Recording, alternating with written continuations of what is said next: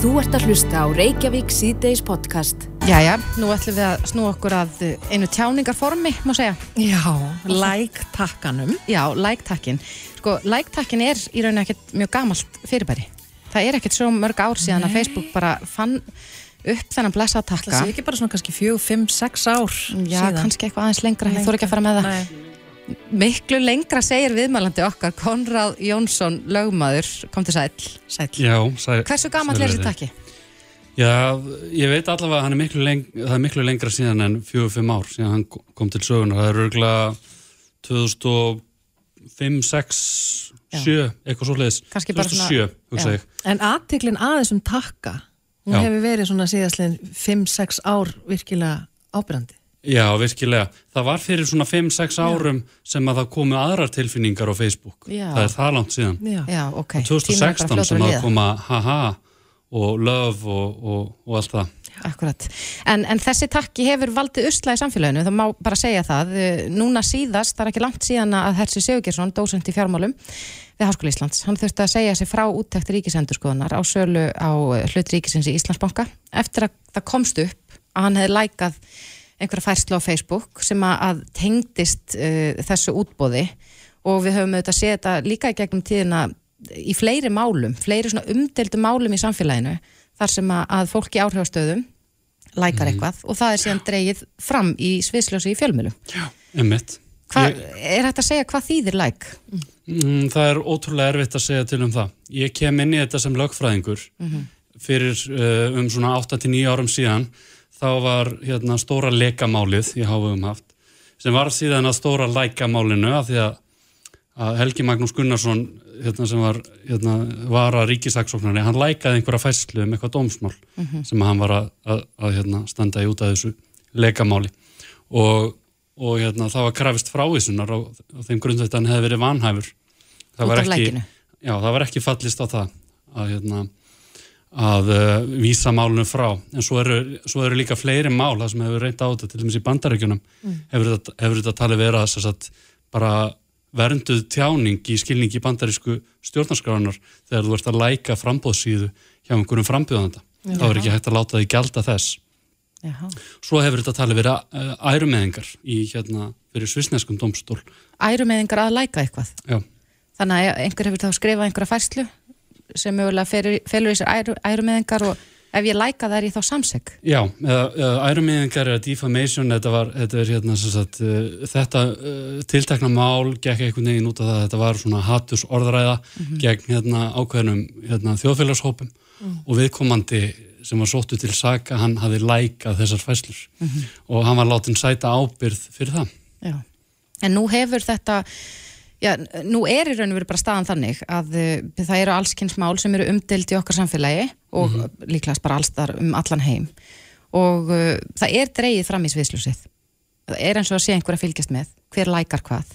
Uh, hva, hvað, ég veit ekki eins og hvernig ég á að orða þetta, hvað í raun og veru á fólk að gera þegar það er í, í áhrifastöðum, við erum að tala um saksóknara, jafnvel dómara, við erum að tala um pólitíkusa og jafnvel fleiri. Sko þetta er alveg rosalega takmarkað tjáningartól. Það er búið að smætta alls konar tilfinningar niður í, í einn lítinn takka. Og það sem ég myndi segja er það að ef þú lækar fæslu þá skaltu vera viðbúin því að það verið miskilið. Það er alveg sama. Þú skalt bara búa þig undir það. Ég hef stungið upp á því að verði gerðu bara einhvers konar samfélagssáttmálu um þetta að, þeir sem að læka þurfa að átta sig á því að það verði miskilið og þeir sem að sjá lækin þurfa að átta sig á því að það getur verið eitthvað annað að baki en þeir halda.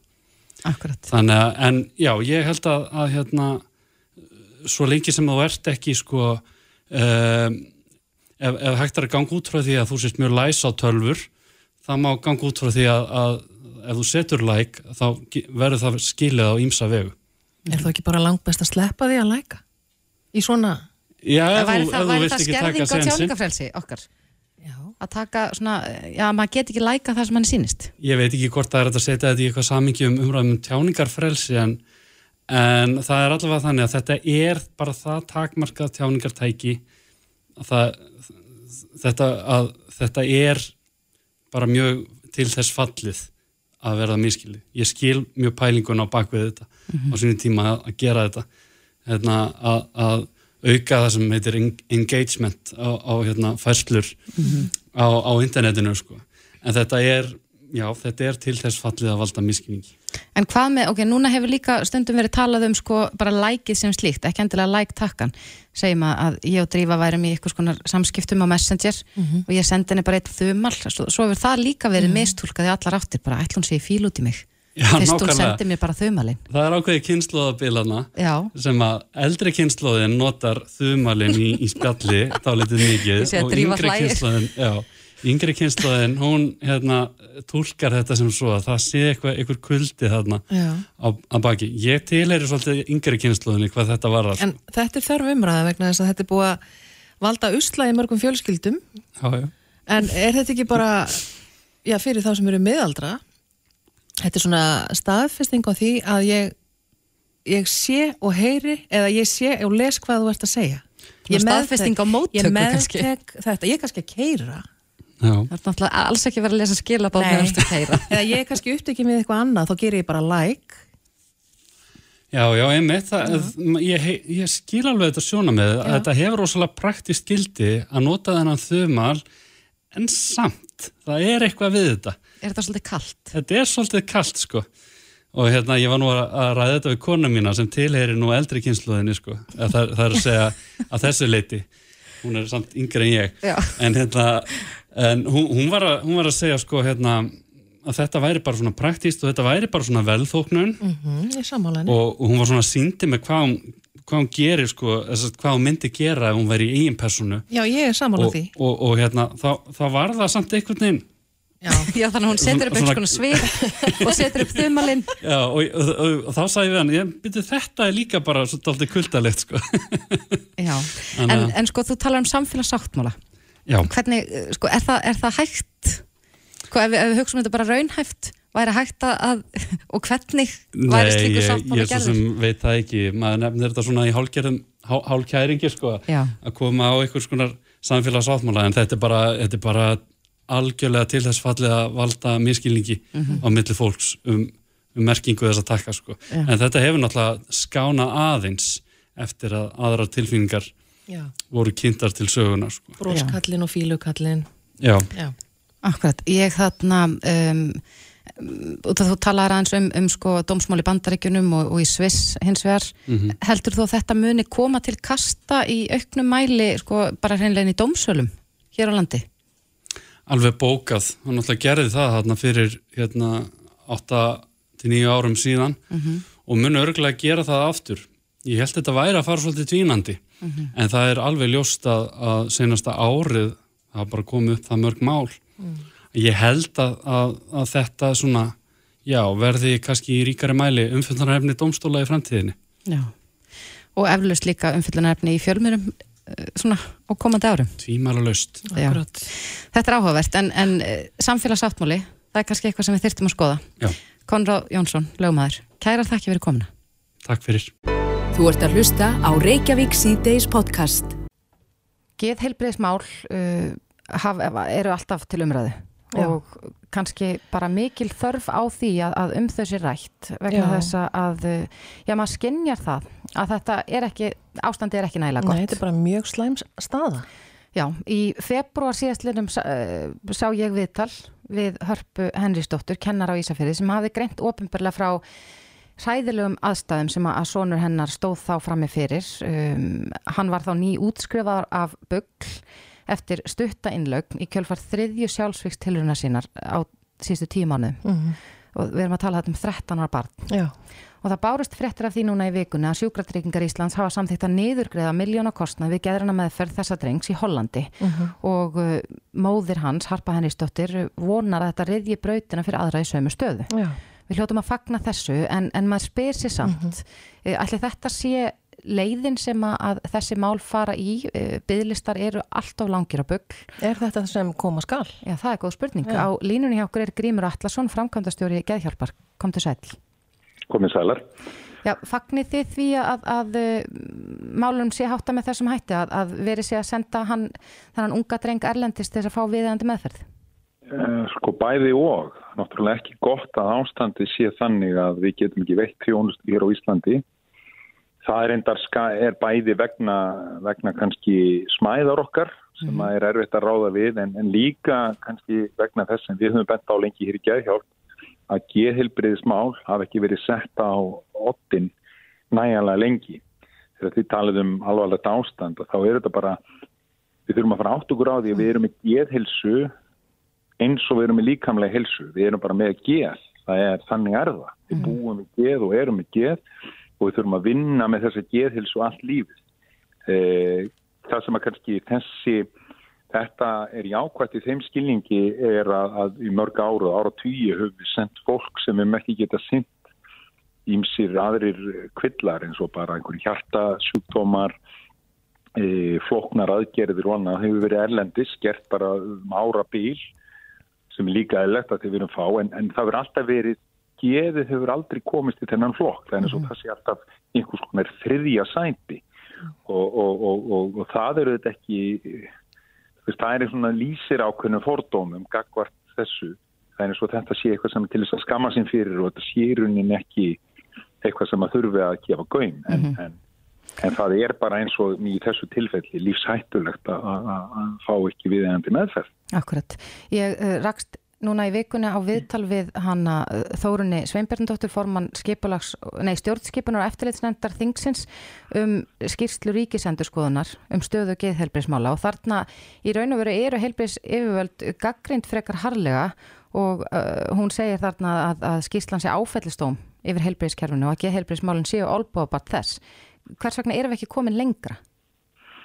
Það eru þetta góð spurning, akkur eru við ekki komið lengra en það er, uh, sko, það er heldur ekki, við getum ekki bara einhvern veginn sem sakast við einhverja sem ráða hverjum tíma þó að þeir fari standi í, í, í, í þeir standa í spísnum, þeir standi í orðinum að eiga stjórna og eiga að fara með okkur rétt átt. Það hefur verið bara samfélagið, hefur sætt sig við það að, að þessu, þessu málum hefur verið í rauninni ekki gefið uh, sá gaumur sem á að gefa þeim og þessi skýsla sem er heppilegt um kemur á einhverju leiti en, en, en eru þetta eitthvað sem við vissum að þetta við hér hjá geðhjálpuðum bent á ítrekka að, að, að geðhilbriðsmál eru ekki næjanlega mikið í, í miklu forgangi eins og það ætti að vera. Og svo kemur ríkjusendur skoðan og tekur þetta út og, og, og þá kemur bara ljós að, að staðan er mjög alvarleg. Bara maður skoða fjármagnir sem er veitt í málaflokkina þá er það undir 5% af heildar fjármagnin í heilbriðiskerfið á meðan að umfangið er kannski 25% mm -hmm. og það segir auðvitað þegar það er búið að vera já, svo áratugum skipti, þannig, þannig skipting að þá auðvitað verður eitthvað, þá er eitthvað sem lætur undan og, og, og oftar en ekki að þá, þá, þá er það þannig að við erum okkur vantar mikið, mikið fjármagn í að svo kalla orsaka endan. Það, það er rauninni áðurinn að skaðin skeður, áðurinn við fyrir neðan við, við fossin og þetta hefur við hjá geðhjálp bent á ítrekkað og, og það þarf að laga það. Akkurat, en, en þetta áður við um geðhelbriðsmál sko í stórumyndinni en, en í þessu tilviki þessa unga dreng sem er auðvitað barn og, og maður getur rétt ímynda sér hvernig það er fyrir fóreldra að horfa upp á svonsinn Já, hún segir hér að í februar hafa hann gerst, fyrst gert sko alvarlega sjálfsvíkstilrun og svo hafið þær bara komið í röðum eftir það. Um, drengurum var augljóslega í, í lífsættu. Um, heldur að þetta sé samt já, það sem koma skal í þessum akut tilfellum að við, við leitum erlendist til þess að fá slíka meðferð? Já, sko, kannski einhver leitin. Við ættum kannski að skoða bara hvað þurfum að gera. Við þurfum að bara horfa á líka, bara horfa á að, að sjálfsvið sem hlutfall andláta eh, yngre en 18 ára hefur fóru úr einu prósendi á 5 ára tímabillum sem, sem, sem hlutfall af andlátum, þá eru allar dánar og skýr sko, að þá er 1% var sjálfsvíg á aldrei, hérna árunum 2000-2005 og þessi tala er núna 9,2% á síðustu 5 árum. Það segir að þetta eru bara ofmörg börn sem við erum að missa og þegar við fyrir svo í hópin fyrir ofan að þá er þetta hlutfall orðið 36,2% það er sem sagt ef, ef þú deyrð á aldrinum 18 til, til 29 ára eða 30 ára að þá ertu, þá er eiginlega bara alla líkur á því þú takir eigi líf. Og það eru þetta bara algjörlega óásættanlegt. Og við sem samfélag ættum að horfa á þetta og segja hvað þurfum við að gera? Og hvað, hvað telur þú að þurfa að gera? Við lögum nú til, Geðhjálp kom með nýju aðgerða áallun, það er enda verið að vinna geðhjálpriðis áallun til 2030, gallin við þessar áallanir, það eru viljið bara mjög góðar, en það kemur það fram í skýrslu ríkisandurskoðunar, en þetta fylgir bara ekkit fjármagn og það er það sem við þurfum að breyta. Við settum fram nýju aðgerða áallun og, og hérna þar til, til dæmis þá er tölum um skólakerfið, við tölum um, um, um foreldravendi eða mæravendi sem kallað, kallaðist í hér áður mm. Og, og, og við höldum áfram út lífið nýju aðgerði sem taka á þessu öllu saman sem skipta svo miklu máli. Þetta eru forvartningar sem gera það merkum að við séum ekki að missa uh, ungt fólk í blóma lífsins. Við erum með skildi hérna upp á, á, uh, á leðinni hérna réttir að maður er komin inn í Ölfus hérna fyrir ofan bláfjalla álíkjaran hjá Lillu kaffstofunni Það stendur núna tveir sem er hræðilegt, það dói tveir úr, úr hérna, það dói tveir í bílslísun. Þetta hefur við pælt í mjög lengi mm. en við erum að missa bara of marga úr gæranum áskorunum og, og, og það er hægt að koma í veg fyrir það. Við þurfum bara að setja það í forgang. Mm -hmm. Þess að nýju aðgjur okkar líka fyrir og hafa leiðið fyrir bara frá því 2020 og við erum marg búin að benda á þær og við bendum áfram á þær. Það erum á að finna bara á til dæmis að heimasíðinni 39.is, það eru þess að nýju aðgjur allar mm -hmm. útlistaðar En Grímur, svo hefur maður líka heyrt, eh, já svona út undan sér að eh, nú er haldið utanum þessa tölfræði hjá ennbætti landlæknis og, og að, að tölfræðin gæti jafnvel líka verið skökk að við séum hreinlega að missa fleiri en tölutnar eh, gefa í skinn. Er eitthvað til í því? Já og, og þú, veist, uh, þú veist, við erum með þetta með livjaeitranir og fleira sem við veitum ekki hvað gerist og fólk sem deyir, deyir í bílslisum og fólk sem týnist og alls konar, það er ekki þetta fullir það og, og það eru þetta En það er samt sem að það er erfitt að fullir eitthvað hvað fólk gerir. En við getum allavega sagt að það er ómikið á ótímabærum andlátum uh -huh. uh, sem að má rekja til gæratna áskoruna. Það eru ómikið slíkum andlátum á Íslandi og, við, og, og sérst líka með líðan barna í grunnskólum, líðan barna í framhaldsskólum. Þetta, þetta, þessi eftirkost COVID sem við erum að sjá núna, að þetta er allt saman törurnar allar. Mælabort geðhilsu gefur til kynna að hérna, við þurfum að gera eitthvað, við þurfum að breyta og við þurfum kannski að setja þetta í forgang mhm. -huh. og það er kannski það sem er bara aðarmálið, það er ekki endilega einhverja söku, finna einhverja sökudólka, þetta er bara að segja, erðu, við setjum sérna saman og, og bara vilja yfirlýsing sem að segir, við ætlum að setja geðhilbyrðismál í forgang, að því við viljum ekki að tapa og er ekki bara það að fólk eða takið í líf sem er náttúrulega ræðilegt heldur líka bara mjög margir sem eru óvinnufærir, mjög margir sem að ná ekki að klára skóla mjög margir sem að bara fara í, í hérna, fík sem eru að sjálfsögðu ofta en ekki bara einhver að, að deyfa sásöka mm -hmm. og, og þetta er allt saman hluti sem hægt er að auðvitað ekki koma vekk fyrir alfærið en það er svo sannlega hægt að draga úr því Ef þú, ef þú já, fengir reynilega að ráða og hefðir völdin til þess að breyta einhver einu, væri, fjár, væri fjármagnið þar efst á bladi? Já, sjálfsögur kannski, kannski þurfum ákvæða hvað við ætlum að gera við fyrir peningana. Mm. Það er ekki skynsalegt að, það er ekki endilega skynsalegt að setja þúsundur og þúsundur miljóna í eitthvað. Hins vegar bara setjum og ekki endilega að alls ekki setja svona plástra, 100 miljónu hér og 200 miljónu þar eða 10 miljónu þar og eitthvað svona. Mm -hmm. Það þarf að vita hvað eru við að fara að gera. En hverju þið... þarf að breyta í skólakerfinu, hverju þarf að breyta í, í, í, í ungbarna eftirlitinu, hverju þarf að breyta er í framhaldsskóla, hverju þarf að breyta á vinnumarkanum, mm. veist, hvernig þú að veist, eh, horfa á þetta, við, við erum svolítið drifin af þessu að vera dugleg og, og einhvern veginn að, að, að hérna, þetta mið, miðar alltaf svona einhverju svona, einhver svona hamstur á hlaupahjóli sko. Já, en eru þið með nóg starfsfólk til að sinna þessu málaflokki? E, nei og við erum heldur ekki með nægilega, nægilega goða mentum. Það er margt sem að, að hérna, það er margt sem vantar. E, þannig að, hérna, að e, við þurfum, við þurfum svo sannlega að, að gera betur og, og mentum starfsfólks á, á, á getildum og í þessu kerfi er, er rauninni er rauninni talsvert bara á eftir ef við beðum það sama við aðra deildir á hérna, við tökum bara landsbítalan þá er þetta bara, þá er bara mikið munur á þessu. Uh -huh. e, mentum starfsfólk og getetum hefur lengi verið e, minnst og líka öldrunadeildum. Uh -huh. Það hefur mikið af fólki sem hefur, og það hefur starfsmannaveldan líka verið e, mikið uh -huh. og, og þessu þarf að breyta. Já. Við heyrum það að það er greinilega langt í land en, en vonandi verða skref tekinni rétta átt og, og við fögnum því auðvitað að þessi ungi drengur fái viðeigandi meðferð en uh, Grímur Allarsson, frangatastjóri Geðhjálpar, kærar þakki fyrir þetta og góða helgi. Takk. Takk sem leiðis. Þetta er Reykjavík C-Days podcast. Dáleiðsla Já, á sér virkilega langa sögu. Spennandi viðfangsefni. Hefur þú farið, hefur þú látið dálega þig? Nei, sko, ég verð að segja að, að ég ætla kannski bara að viðurkenna ákveðna fordóma minni hálfu. Ég Nú. hef alltaf litið bara á dáleiðslu sem eitthvað svona pínu kukl. Já. Að svona, sé fyrir mér hérna, dávaldin seiles, lata fólk fara upp á svið og gera sig að fýblur framann sko, fullan sala fólki. En svona á já, síðustu árum hef ég verið aðeins að kynna mér þetta lítið betur og, og ég held að þetta sé eitthvað sem að getur reynilega hjálpað fólki alveg- í hennum ymsu aðstæðum.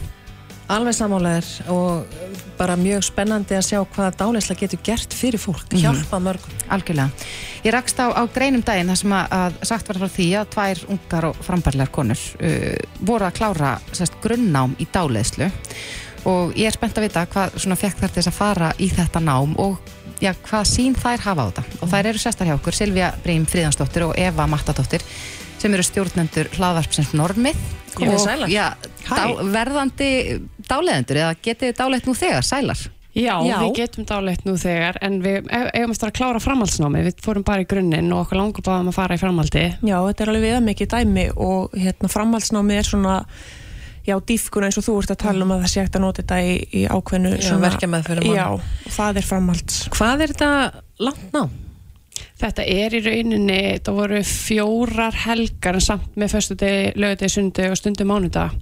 Já, og frá bara já ný- fjögra daga helgar í rauninni. fjóra daga helgar, já, Já. Uh, frá nýju til fimm allar fjórar helgarnar rauninni. mikið verklegum æfingum og þú veist, maður er alveg- látin svitna sko, þú veist, að fara í gegnum æfingar og svona og svo er hérna skriflegt og verklegt próf í lókin Já, Akkurat. En uh, já, eins og ég viðurkendi bara einn á hana, þá hef ég verið með svona ákveðna fordóma gagvart dálislu út af því að, já kannski út af því hvernig dálisla hefur byrst mér í gegnum tíðina. akkurat En uh, hvernig getur þetta hjálpa fólki?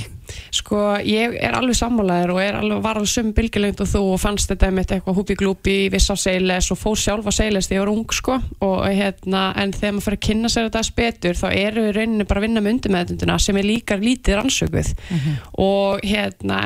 er er mikið rannsaka um hugleyslu og hvað, það, hvað áhrif það hefur á fólk og hvað bara lífsbætandi áhrif.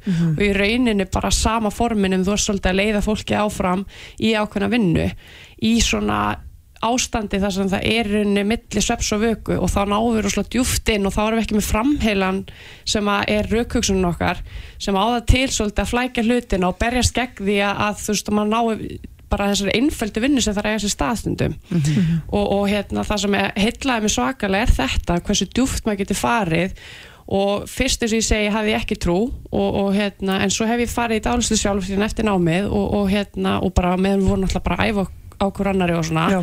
En fengum síðan líka bara að fara í dálislu alveg og ég er búin að fara tvisasunum og það er alveg ótrúlegt hvað það hafði mikil áhrif á mig og kom mér alveg vel á óvart sko. Já, þegar maður nær djúpu dálislu ástandi þá er bara merkilegt hva, hvað getur gerst og hvað getur hreinsast einhvern veginn og, og maður getur fengið alls konar svona sjónarhóttn og sjálfa sig sem maður vissi kannski ekki af og þú veist, ég til dæmis bara búin að hreinsa til eitthvað svona, ég veit það ekki eitthvað svona bara kvíða stíplur sem að komu eitthvað stað frá, ég vissi ekkert hvaðan en svo fekk ég að vita í djúpri dálislu hvar stíplan lá og losa hana.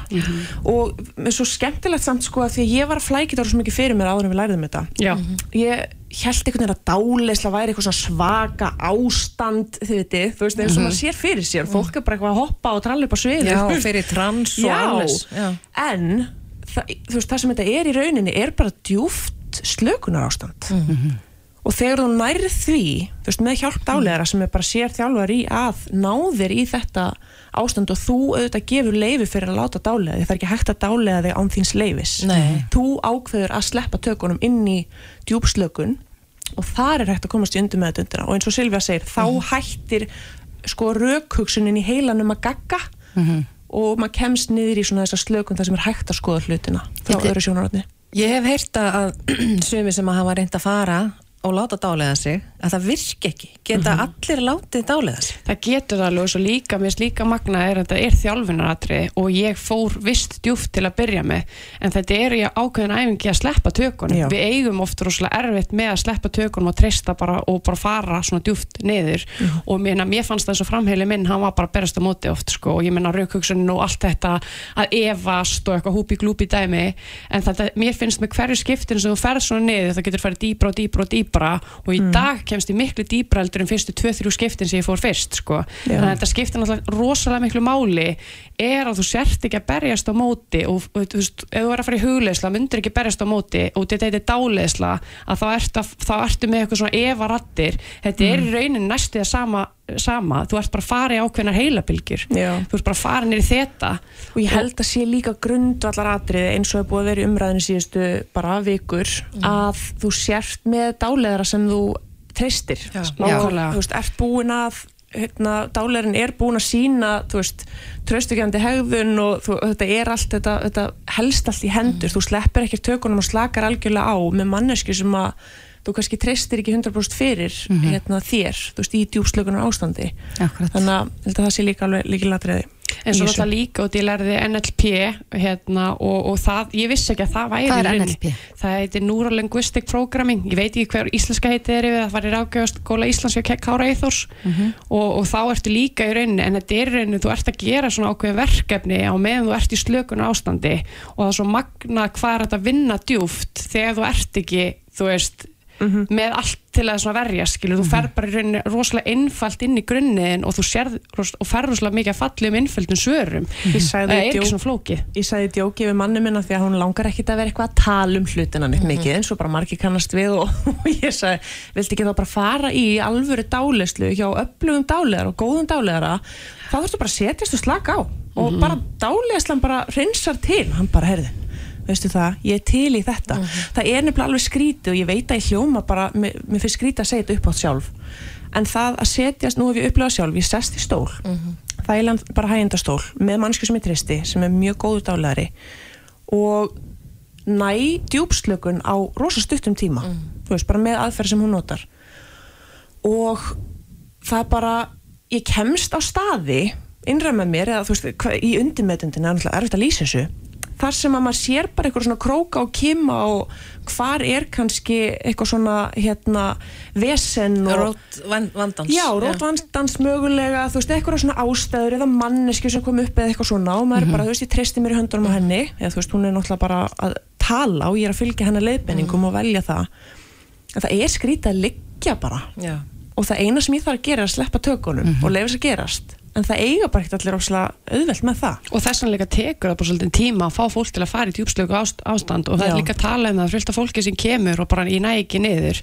Og það þarftu bara að koma í nokkur skipti bara til að leifa þér að sleppa tökunum. Hva- en auðvitað alltaf í umhverfið sem þú treystir og líði vel og, og svona ert bara með góðum aðla í það. En hvað eru þið lengi að ná að dálega mannesku? það er svo mismunandi. En svona, ég myndi alltaf segja innleggingin sé í rauninni svona kortir Innleðingin, er það, er það þegar þú Að leiðin inn í ástandið já, bara Ná að- slökuninni niður. sko. Mhm. En nú, nú eru þið búin að læra þetta grunnám og ætlið ykkur að fara í framhaldsnám. Er einhver svona ákveðin hópur sem þið viljið helst aðstóð, vinna Þú með? veist, á ég segi ykkur, ég ætla ekki eins og að fara að vinna með fólki með þetta. Ég Það þurfti er að vera held ég verður sko. ekki dálegar mér finnst magna að kunna þetta. Uh, mér finnst magna að geta farið í svona djúft dálæslega mm Mhm. sjálf bara til að hjálpa sjálfur mér og bara, Getur þú dáleitt sjálfa þetta bara einn Þú heim hjá getur sér? það. sjálfsdálisla Hvernig gerir maður það? þá ferði í rauninni bara í innleðingaferli þú veist, og þú getur sett eitthvað áður en þú ferð inn í dálæsluna hvað þú langar að fá út úr því, skilur og svo líka bara þetta að ná þessari tekni alveg niður, svo get ég bara sett á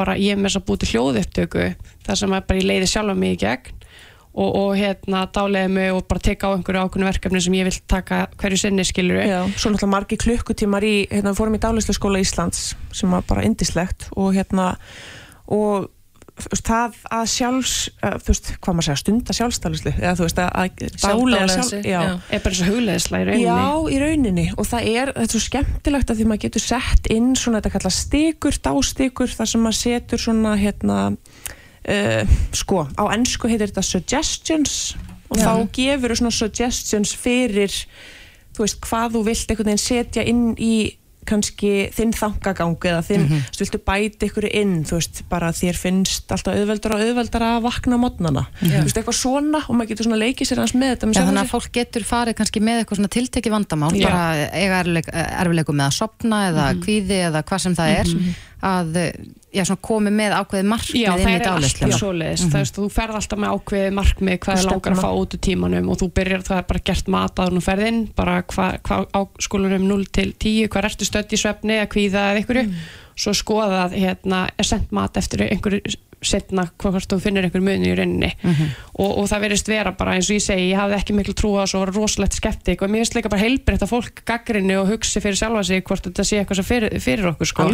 Og, og hérna, en ég fann að kom mér verulega óvart hvað ég fann mikið mun eins og líka bara það að ég vera mýgrænisköst og ég hef ekki verið mýgrænispési yfir höfuð og, og byrjaði að fá mýgræni fyrir árið síðan, eitthvað og ég fór í dálislu út af því og ég hef ekki fengið slæmt mýgræniskast síðan ég fór í dálislu sem er alveg bara, og ég er ekkert að segja ég veit ekki af hverju það er, ég veit ekki, þú bara ég var dálit og, og var skoðað og, og var margt á baki sem ég ákveðlega bara uh, geima eitthvað streitu og, og geð þar. og, og það er bara ennþá uh, þrýr mánuðið setna og ég er allan ennþá góð og ég er bara vona innilega að þetta er eitthvað sem er bara komið til að vera. En þetta er líka bara þess að ég segi, það er hægt að gera þetta á alls konar hátt. En hérna, en þess að ég segi, þú maður þarf að vera líka bara gaggrinni það, hugsa fyrir sjálf og sig, virkar þetta Algjörlega. ég, þú veist, ég, er svona, ég þarf alltaf að skoða vísindin og hvernig Já. þetta meika sens og eitthvað og ég mæla alveg með bara frá mínu persónulega sjónarotni að þá hjálpaði mér að skoða mann sem heitir hérna Dr. Joe Dispenza Já. sem er margir kannast við og hann er svona hérna neuroscientist og bara búin að skrifa marga bækur og svona og það, það er alveg áhugavert að skoða því hann er bara að vinna með þú veist hérna ítarlega heilaskanna og bara skoða þetta virkilega. Þannig að skemmtilegt að ykkur hefur áhuga á því. En svona að lokum, þá langar mig að spyrja ef að okkur þórti sem langar að láta dálið okkur út af okkur um kvilla eða eitthvað. Getum við farið og haft samband við Dálisli skóla Íslands og, og pantað? Klárlega sko, það eru dáleiðslu. fullt af kennurum sem eru náttúrulega bara eru að vinna við þetta alfarið og Mhm. það eru hérna, já, þeim myndu örugglega bara benda ykkur áfram á aðila sem eru lausir. Já. þau eru hérna mörg bara upp í síðumóla og hérna, og já. Bara öflugið öflugið dálegarar Þetta er virkilega áhugavert og, og eflaust til þess falla að geta hjálpa fólki sem að, að já, glými við einhvers konar kvilla. Ég man nú eftir að svimir hafa farið í dálislu til dæmis þess að hætta að reykja og það er svona ýmislegt hægt. einmitt, Já, Silvía Brím Fríðansdóttir og, og Eva Mattdóttir. Takk kærlega fyrir komuna. já, takk fyrir Takk okkur fyrir okkur Þetta er Reykjavík C-Days podcast. Já, já, á morgun er uh, stór dagur Já. í fótboltanum. Ég var að rifja það upp með sýstur minn áðan að, að uh, hún og maðurinn hennar eiga, áttu sambandsafmæli núna í vikunni, 25. Þau sem sagt byrjuðu saman uh, 25. mæ 2005, Já, daginn sem að Liverpool vann meistardildina. já. En þeir hafa unni einu sinni síðan, síðan skilt mér. En geta gert það aftur á morgun vegna þess að Liverpool og Real Madrid mætast í París. Klukkan sjö. Annarkvöld. Já, En Sóli Hólm er sestur hjá okkur ásamt Hólfríð og Hermanni. Já, það er ég, ég sko, ef þú eru að kvartir þessi mörg börn hérna, þá er ég að skilja þrjú eftir Þannig að það, ég er ekki með þrjú sem ég á sko Þannig að hérna, þetta er bara hóflegt hjá mér í Ég dag minnst þetta mjög hóflegt að vera Já. bara með tvö börn já, hérna í já, já, viðtali. bara tvö, Já. það dugar En, en Sóli, sko, ég var eitthvað áðan að tala um það að þú væri sko, formaður Liverpool félagsins, er, Samfélagsins samfélagsins. Já. Ertu sjálf skipaður? Já, ég Já. er það uh, og er þetta eitthvað sem er ekkit uh, sko, þetta er til, vissulega Leopold samfélagið eru allir stuðnismenn á Íslandi. Og ég er þeirra leiðtogi Já. sjálfskeipaður og, Andlegur og, hérna, já, andlegur. Og, og, og það eru margir með Leopoldmenn eru margir hverjir mjög veikir bara þú veist af bara ástríðu. Og þessir okkar veikustu þegnar samfélagsins, Leopold samfélagsins þeir leita gerna til mín. Já. og bara þeir eru stressaðir og annað og, og, og þá veit ég þeim bara ég er svona einhverja sálu hjálp bara og, og það er mér ljúft og skilt að gera það. Og um það snýst formennska í Leopold samfélaginu hvernig kemst maður inn í þetta samfélag? þú, með því að halda með Leopold Þannig Það er ég, bara þannig. ég, Það ég annað. held með Liverpool, sko, ég reyndar aldrei átt á leik, en Nei, ég held þú, með þeim. þú ert í samfélaginu þú Vá. ert bara, bara þú veist, þú- hvort sem líka betur að vera svo eru náttúrulega sko já, þau eru hóstandi hérna börnin þau eru sko, það er hérna svo eru náttúrulega hérna, Leopold klúpar og, og annað sem, sem, sem er að gera eitthvað í alvöru sko, þú Já, veist, já. og, og, hérna, og það er náttúrulega al, alvöru vinna en, en, en ég, ég, ég er svona ég er, ég er leiðtói þeirra allra Já. En ertu með eitthvað svona ákveðna siðið eða venjur fyrir að horfa á leik? Nei, ég er Nei. ekki með neina ákveðna siði Þú fyrir ekki treyjuna Jú, jú, ég í bjór treyjuna, og- ég er alltaf Já, já. Uh, Sérstaklega eins og á morgun, þá náttúrulega hérna fer maður í, í fullan skrúða sko, Mhm. að sjálfsögðu uh, en, en þú veist, ég er ekkit eitthvað alltaf fyrir ekkit í sumi sokkana eða eitthvað Nei. eða, eða, eða það er ekkit, ekkit ritual hjá mér sko Nei.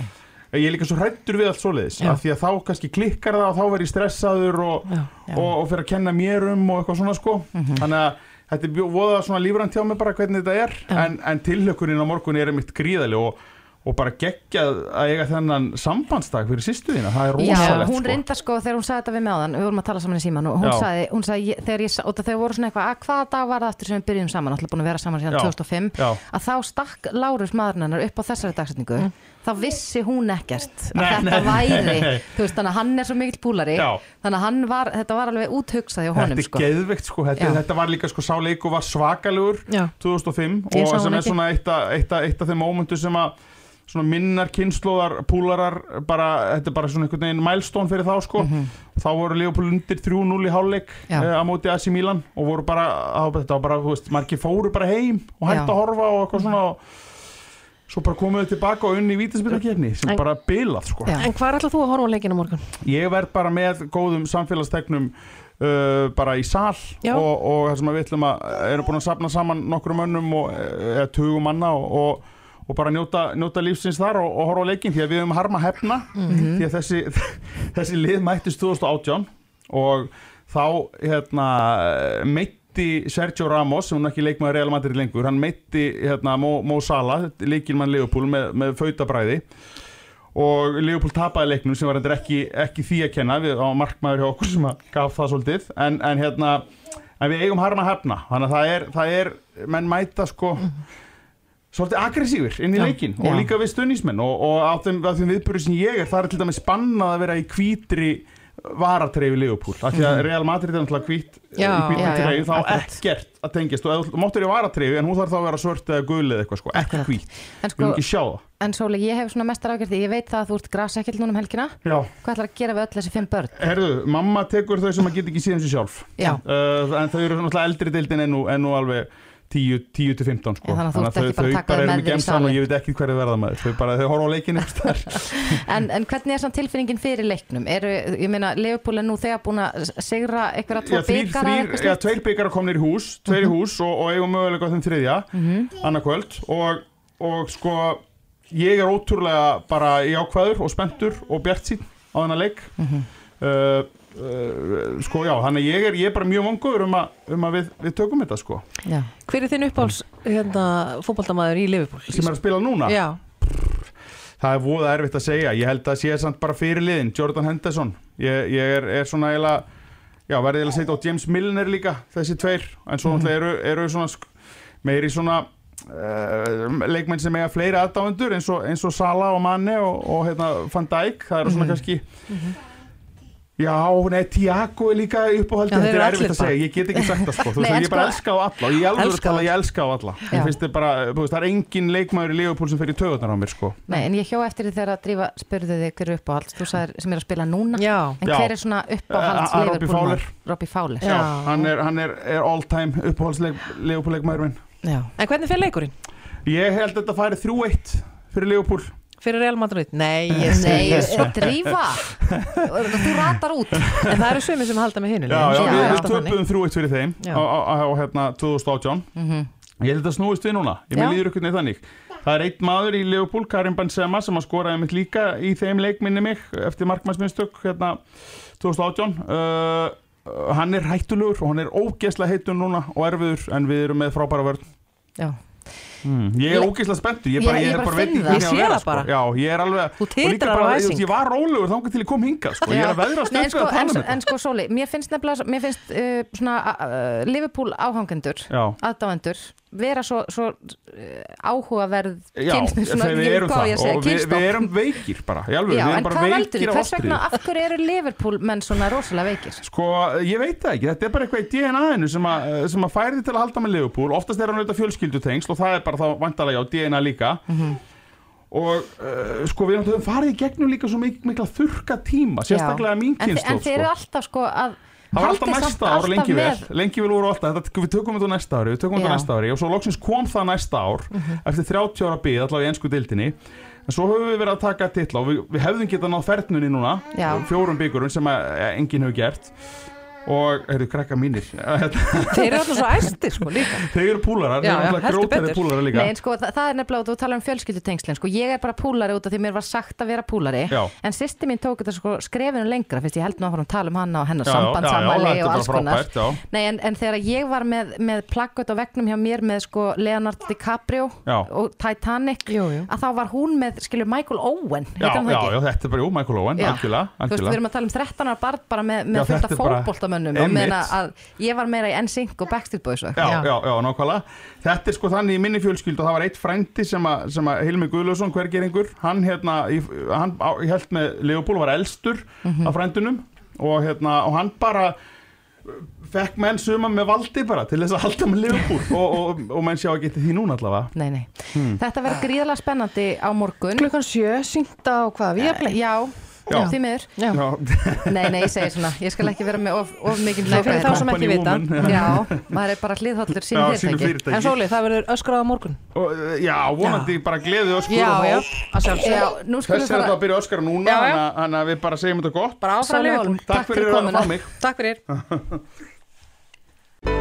Reykjavík síðdeis á Bylgjunni podcast. Það búið að vera dásanlegt veður í dag og ég bara verða að segja að það hlýtur að vera að það sé rosalega mikið að fólki að fara að leggja leysinni í miðbæ í kvöld og ég er eiginlega bara búin að finna það sem að flestir ættu að gera. Það eru tónleikar á Húrra og þeir eru sestir hjá mér Guðmundur Óskar Guðmundsson, Valdimar Guðmundsson og Örn Eldjárn, komið sælir. Hæ, hæ. Já, þetta eru, sko, Valdimar, ég kannski byrja á því að segja við þig að það er stutt sem að þið helduð, uh, hljómsveitin Valdimar, 10 ára amalstónlingan ykkar, Já, já. sem voru samt 12 ára? Já, Eiginlega. já, svona, einmitt, það út af ákveðinu út af ákveðinu.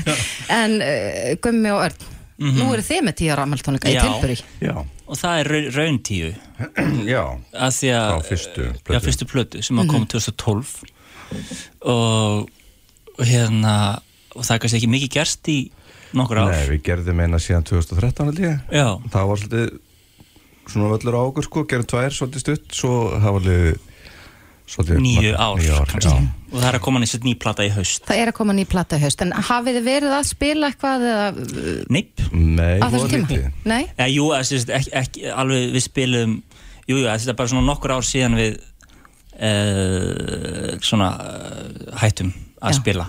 Ekki með þetta, en bara svona þetta svona fóra, fór sinn veg einhvern veginn Uppteknir öðru? uppdænir Já. öðru Já. og, Og einn eitthvað heimsfaraldur og- og í eitthvað svo svona. eitthvað, já, og þannig hafði eitthvað kvef og, Já, en uh, við erum búin að vera að taka upp nýja plötu bara á þessum tíma uh -huh. nógu tími til að taka upp plötu já, vanda okkur rosa mikið Já, taka þetta upp aftur og aftur og erum bara komni með plötu mm -hmm. að- gáum út lag um daginn Já, Og ætlið að spila af nýju plötun í bland við gömulöga, já, hvernig verður já, þetta í kvöld? já, það verður hérna, spilum, uh, sem komið út nýtt lag um daginn uh, við gáum út nýtt lag um daginn sem heitir Skylights það sem hún, Mr. Silla syngur með okkur mm Mhm. -hmm. uh, eru þið að spila það á blíkinu? Uh, nú þurfti ég að spyrja tónlistastjóra minna ég því, skilji já, já, já. en við skulum bara spila þegar þetta viðtal er Ég búið, það er sé- annað í bóði, sko. Nei, ég held að sé Ég held að sé væri svona gaman um, og já, við spilum eitthvað svona þrjú, fjör lögan í plötunni og svo þessi hendur við já, gömlu hittarana sem allir þekkja En veistlan er að húrra í kvöld um, og Valdimar, þið eru að spila líka, þetta eru tilbúri og Valdimar. já, þetta er Já. sva- svakalega gaman að fá hljómsdina Valdimar já, með gaman að fá að vera með bara og Já. hérna, hitta þessu upp og já, þetta er svona efnilegt ungt og efnilegt band Já. Valdimar og Við erum tveir sko í hljónstinu Valdimar sem eru í tilbyrri sko. Já, Já. þetta var Það svolítið líka, var svolítið líka, svo- þetta var gert líka, ekki bara út eða bara náttúrulega úksta gaman, þetta er líka svona af eh, ekonomiskum aðstæð, ástæðum. Gáttu við fengið svona, svona mikið frægara band til að okkur Þannig að þið fáið Valdimar með til að drekka að fólkið og síðan látið, Já. sko, er það að selja þeim ykkar tónlist. í, í raun Já, Nú þetta er bara eitthvað Við svona erum win, að plata rauninni, Já. fólk til að það koma er alltaf gaman að Já. hjálpa og, og, já, Nei, þetta sínu minnsta bróður. þetta, er- þetta er svolítið árið er 2015 aftur sko Já. Já, Á- þetta er svolítið svona, einmitt, húrra, tilbyrði í Valdimar og húrra, þetta er svona hljómar eins og árið sé kannski ekki 2022 Nei, en ég man eftir hérna fyrir örfáum árum síðan að þá var mikið talað um að það vantaði svo tónleikastæði miðbæri Reykjavíkur eftir að húra Mhm. lokaði Já. um, þetta lítur að breyta miklu fyrir ykkur að fá þennan stað aftur þar sem Já. að, ég meina ég held ég hafi aldrei farið á skemmtilegri tónleika eða skemmtilegri böll heldur en að húra Einmitt. Nei, sammála. Nei, þetta var rosa hérna sjokk þegar hann þegar maður horfði á einhvern veginn gáminn fyrir utan húrra og allt var bara komið út í á leiðina sorpu Já, veist, já. og átt að fara að setja Sportbar Já, gummi Ben sportbar sem að hérna, hérna, Svolítið flatskjá Já, vantaði sko, það var ekki, já, vantaði svo mikið hérna, sportbar með sko Versace flísum á baðherbyggjum það var Já, já, já. það sem vantaði í bæinn sko. Spottuðu það? Eh, Spottuðu það, já. Nú ertu verið á klóstur svona sportbarum og eitthvað, akkur er ekki Já, akkur get ekki nýja að fýtna Já, akkur er ekki, já. Ég skil með einhver dasskart hann hérna Nei, en stráka, þeir eru náttúrulega allir tónlistamenn og, og okkar fremstu, má segja. Mhm. uh, hver, Hvernig er að komast aftur á stað, sérstaklega núna það er bara sumar og það er svo margt framundan svo margt skemmtilegt að gerast í sumar. Mhm. Er þetta ekki bara dásamlegt? Jú, þetta er bara ekki ekki Jú. Það er svona búin að taka svona Það þarf aðeins að fatta aftur svona hvernig maður skipulöggur sig Eða mér, Já. mér, mér er það Já. svona Herði, já, og ég með ógeðslega mikið að skilabóðum ég- Hvernig gerði þetta eiginlega? Spilir þið bara svona marga tónleika Já, Það er svolítið eitthvað, maður þarf að venjast þessu Já, dettur- maður takti dottir á æfingu. sko. Er En kunnið þið betra að meta giggin núna eða eru þið bara með þreyttir eftir þau? Sko, við ég sjálfur er ekki búin að taka mjög mikið á giggum Þetta er, ég og Örn erum náttúrulega rosa mikið að spila leikosinu í nýju líf. Akkurat.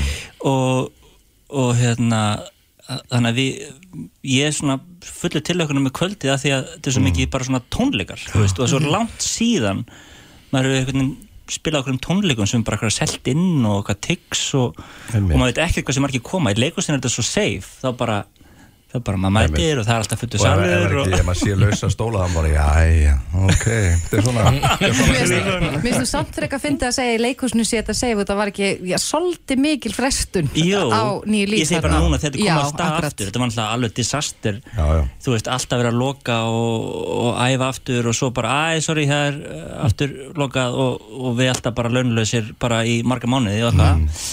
Um, en núna bara eitthvað einmitt bara komin á bylgjuna í eitthvað plögg Já, við tala um já. það eru tónleikar og maður veit ekki hversu margir mæta og... Bara heiðskipt og sól og Já. frekar næs Já, Já. ég held nefnilega að verði mikil stemning í bænum í kvöld en, en þá er spurningin, sko, klukkan hvað eh, opnar húsið? sko það fer held ég bara svolítið eftir veður og vindum sko Já, ég held að uh, þessi safe að koma sér inn klukkan átta Já. Fá sér kannski eitt kaldan já, Eða kaffi? Eða kaffi, Kaffi, já, já.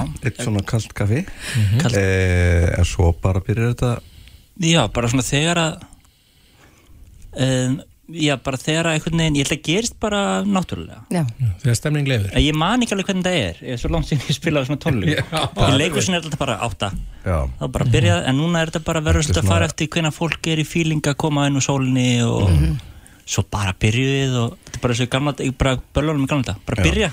Þannig að þetta verður einhvern veginn en þetta verður skemmtilegt. Þetta verður geggja gaman. Við lofum allavega uh, Valdimar, þið ætla að vera góðir eða eitthvað Jú, við vorum að spója að reyna það sko En ég var Já. að segja líka að gera á æfinguna að vera samt næs ef þið var ekkit kannski ekki alveg Já, við erum ekki, við erum 100% ekki búin að æfa neitt Þannig að Nei, nei, nei, og við því erum að þið eru undan okkur. ég, Já. er- ég er að pæla að stilla bassan svolítið falskt og Já, En er nöðsynlegt að kaupa miðin á text.is eða mun vera selt í hurðinni líka fyrir þá sem vilja taka spontant ákvörðun og skella sér á tónleika? já, það er bara bæði hægt sko. Bæði hægt. Mæli með að kaupa Já. Það er svona róar okkur í dag og...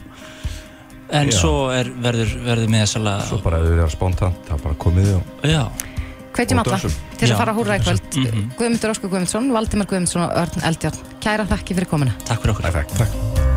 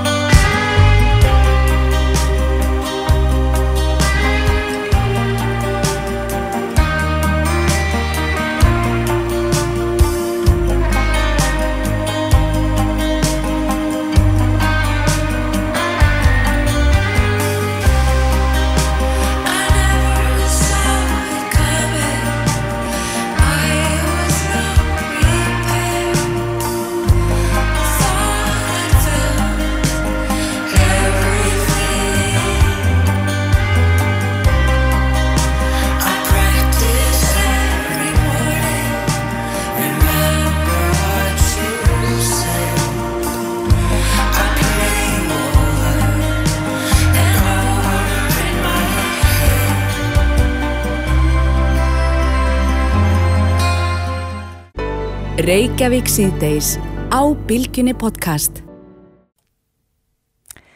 Ég verð verð að segja sko að það er eitthvað við það að sjá uh, fólk sem hefur svona mikla sköpunargáfu og búa til hluti úr íslenskri náttúru. Svona nýsköpun. Já, svona nýsköpun, svona íslensk nýsköpun þar sem er verið að nota það sem nú þegar er til hérna. uh, ég hef lengi hrifist af því að nota til dæmis uh, já, þorskin í allskins lækningar Já. tæki og tól og krem og alls konar. Og, og, og við meðum náttúrulega ekki gleyma því að við eigum auðvitað, auðvitað fullt í náttúrunni. Ósnert náttúra. Og lækningarjurtir ég man eftir, sko þegar ég var krakkja þá var amma ofta búið til eitthvað svona fjallagrasa seiði, Já. minnst þess að sé minna um það núna. Að sumir er að búið til sápur og aðrir er að búið til safa mm En við rákumst á eitt slíkt nýsköpunar fyrirtæki sem heitir Könglar og þ- þetta fyrirtæki hefur það að markmið að nýta íslenskar jurtir og skóar afurðir með sjálfbærum hætti við gerð drikja og list aukandi afurða. Á línunni hjá okkur er uh, Dagrún Drótt Valgarsdóttir, stopnandi Köngla, komdu sæl. Já, sælveri. Já, Dagrún, hva, hvað ætlaði að gera við þessar íslensku jurtir og skóar afurðir? Við ætlum að byrja að gera eitthvað að drikki. Við Mhm. hugsaum að framlæði sumar, við ætlum að framlæði sumar gós og límonaði Mhm. og hugsalega nota líka í áfengadrykki þegar álýður ef það gengur vel. Akkurat. Eru þið þá að tala um vín eða bjór eða, eða hvað er að tala um? Herru, við erum að hugsa á bjór, við höfum verið að gera uppskriftir sem hafa bara, í gamla dag var allt í náttúrun nota sem humlar, svo við höfum verið að gera uppskriftir með því Mhm. og síðan langar okkur að gera vín bara svoleiðis í það áttina sko. Já. Hvaða jurtir eru þið svona helst að nota? Humlasaðiru eða eh, hvað er að nota meira? Það eru í sumar verðum við framlega til dæmis úr fýblum, skessjur, strafabara, uh, greni, svo erum við að leika okkur með ímislegt eins og köngla, við notum það sem svona, hvað segir maður, gósstarter, okkur langar ykkur til að gera náttúru góss Já. og svo er bara í blóðberg og ímislegt sko. Já. Akkurat. Er þið, er þið byrjuð að framleiða vörurnar? Nei, við erum bara, núna er ég mitt út að týna fiskið, þetta er ekki alveg komið að stað sko, náttúran er aðeins eftir á hérna. Mm. Þú, þú ert stött fyrir austan eða ekki? Jú, fyrir Austurlandi Mm og hérna, en við vonumst til að byrja að selja upp úr meðan júni. Verður þetta bara til sölu á Austurlandi eða verður hægt að næla sig þetta hérna á söðu vesturhættun líka? Þessi verður bara að koma austur, það er allt svo gott við hér. sko. Já. ég meina þeir eru búin að fá tvö, sko þið áttuð sumarið í fyrra og hitti Og fyrra. Nákvæmlega, ég var kannski verið eitt stað fyrir sunna, við erum svona að skoða, Já. þetta verður bara veitingahúsum í Austurlandi, við ætlum að byrja þar. Mhm. Og þið týnið allt eh, hráefni þarna fyrir austan. Hvað, eigilstöðum nánatiltekið það ekki? Já, ég býð fljóstar, svo Já. það, það er þar, svo ég týnir rosalega mikið þar á Hallonstað. Mhm. Og sér fer ég líka í Jökudalinn og það sem ég bara þekki fólk og veit, þekki náttúrunar, sko. Akkurat. En, en um, hver- hvernig stöndu við okkur í þessu að, að nýta til dæmis já, svona ráefni hér á landi í, í allskins matagerð? Erum við aftarlega á meirinni hvað það varðar? Ég finnst það, Já. en hins vegar finnst mér að vera skána, Mhm. en mér finnst að vanta betri nýtingur öllu, sko. Að við séum ekki eins, að við erum svo hrættið að nýta þetta finnst mér með þessi almenni, sko. En hvað heldur að valdi því? Ég bara, það er svo létt að fara í búðin og kaupa gamla held ég, sko. Mhm. Það, er svo, þegar það er engin og ég veit það ekki. Er þetta ekki bara kynslu að skipti að maður var ekki þurft ekki að berga sér, eins og gamla þetta? Mm. En þið, þið voruð að taka þátt í nýsköpunarvikunni fútmút hérna um daginn, ekki satt? Jú, við fórum suður og vorum eitthvað að sína okkur þar, sko. Já. Og hvernig voru, voru viðtökurnar? Það voru bara fínar sko. Við Mhm. vorum með drikk sem við gerðum, að við vorum búið með blastall sem ég var búin að vera að nota í fyrra en ég fóð nú bara í kryddskápum minn sem ég átti að þurka og gerði kúmen, einiberja blóðbergsdrikk. Já. Það var bara vel tekinn sko. Já. Og er þetta, er þetta bræðgott? Það hlýttur nú að vera, annars værið þau kannski ekki að þessu. Nei, maður erum búið að stressast mjög mikið og en ég finnst það mjög gott sko. Þetta er mjög svona frískandi. Og síðan er náttúrulega geni, eða fólk þekkir til gens, það er náttúrulega einiber grunnur að geni og kúmen og notaði það sko. Ég sé hérna heiti drikkjana, þetta er mjög svona þjóðlegt. Þið sækið heitið í austfiska þjóðsugur og hérna sé ég að þar á meðal það eru nöfnin Bera og Grímur. Já, við viljum auka ígildið bara með hérna að fræða fólk um þessar sögur sem við erum búin að gleyma. Ég með þess að þekkti, þegar ég fór að gramsa í þessu, ég þekkti ekki allar þessar sögur sem ég er búin að finna, sko. Nei. Með þessar skessur og svoleiðis. Nei. Já, þetta er, er greiðlega spennandi. Ég verð að segja, ég bara held ég þurfi bara að skella mér austur Já, til þess að fá að smakka hjá okkur í sumar. Ég er forvitin að smakka svona nýtt sér íslenskt fyrirbæri En verður þetta til sölu í verslunum fyrir austan eða eru þið að, að, að fara með drikkina á veitingahús og, og slíkt? Við ætlum bara að byrja að veit í góðsuna, við erum svona, eins og segja, ma- fólk er svolítið svona þeimi við þetta, Mhm. svona, finnst þetta svolítið framandi. En hins að ég hef verið að pröfa að gefa í fyrra og hitti fyrra smakk svona bara vegförundum og þeir taka rosalega vel í þetta og finnst það spennandi, sko. Akkurat. Svo ef vel gengur við í sumar, þá getur við að við förum ykkur veslana kannski. Já. Glæsilegt. Þetta er mjög spennandi. Dagrún Drótt Valgarsdóttir, stopnandi fyrirtækisins Könglar. bara, við segjum bara gangi ykkur vel og gæra þakki fyrir þetta. Gæra þakkir. Já, takk svo neins. En uh, nú erum við bara að sigla í mark Já. og uh, förum að skipta yfir að fréttastofan eftir örskama stund. Já. Við verðum aftur með ykkur hérna á mánudaginn, það eru þetta að koma helgi. Já, já. En við minnum ykkur á það að þið getur hlusta á öll viðtölun úr þættinum í dag bæðin á vísi.is og hann að bylgju appinu. En drífa Bræi og Þórdís takka fyrir sig í dag. Takk, takk. Hlustaðu hvena sem er á Reykjavík C-Days podcast.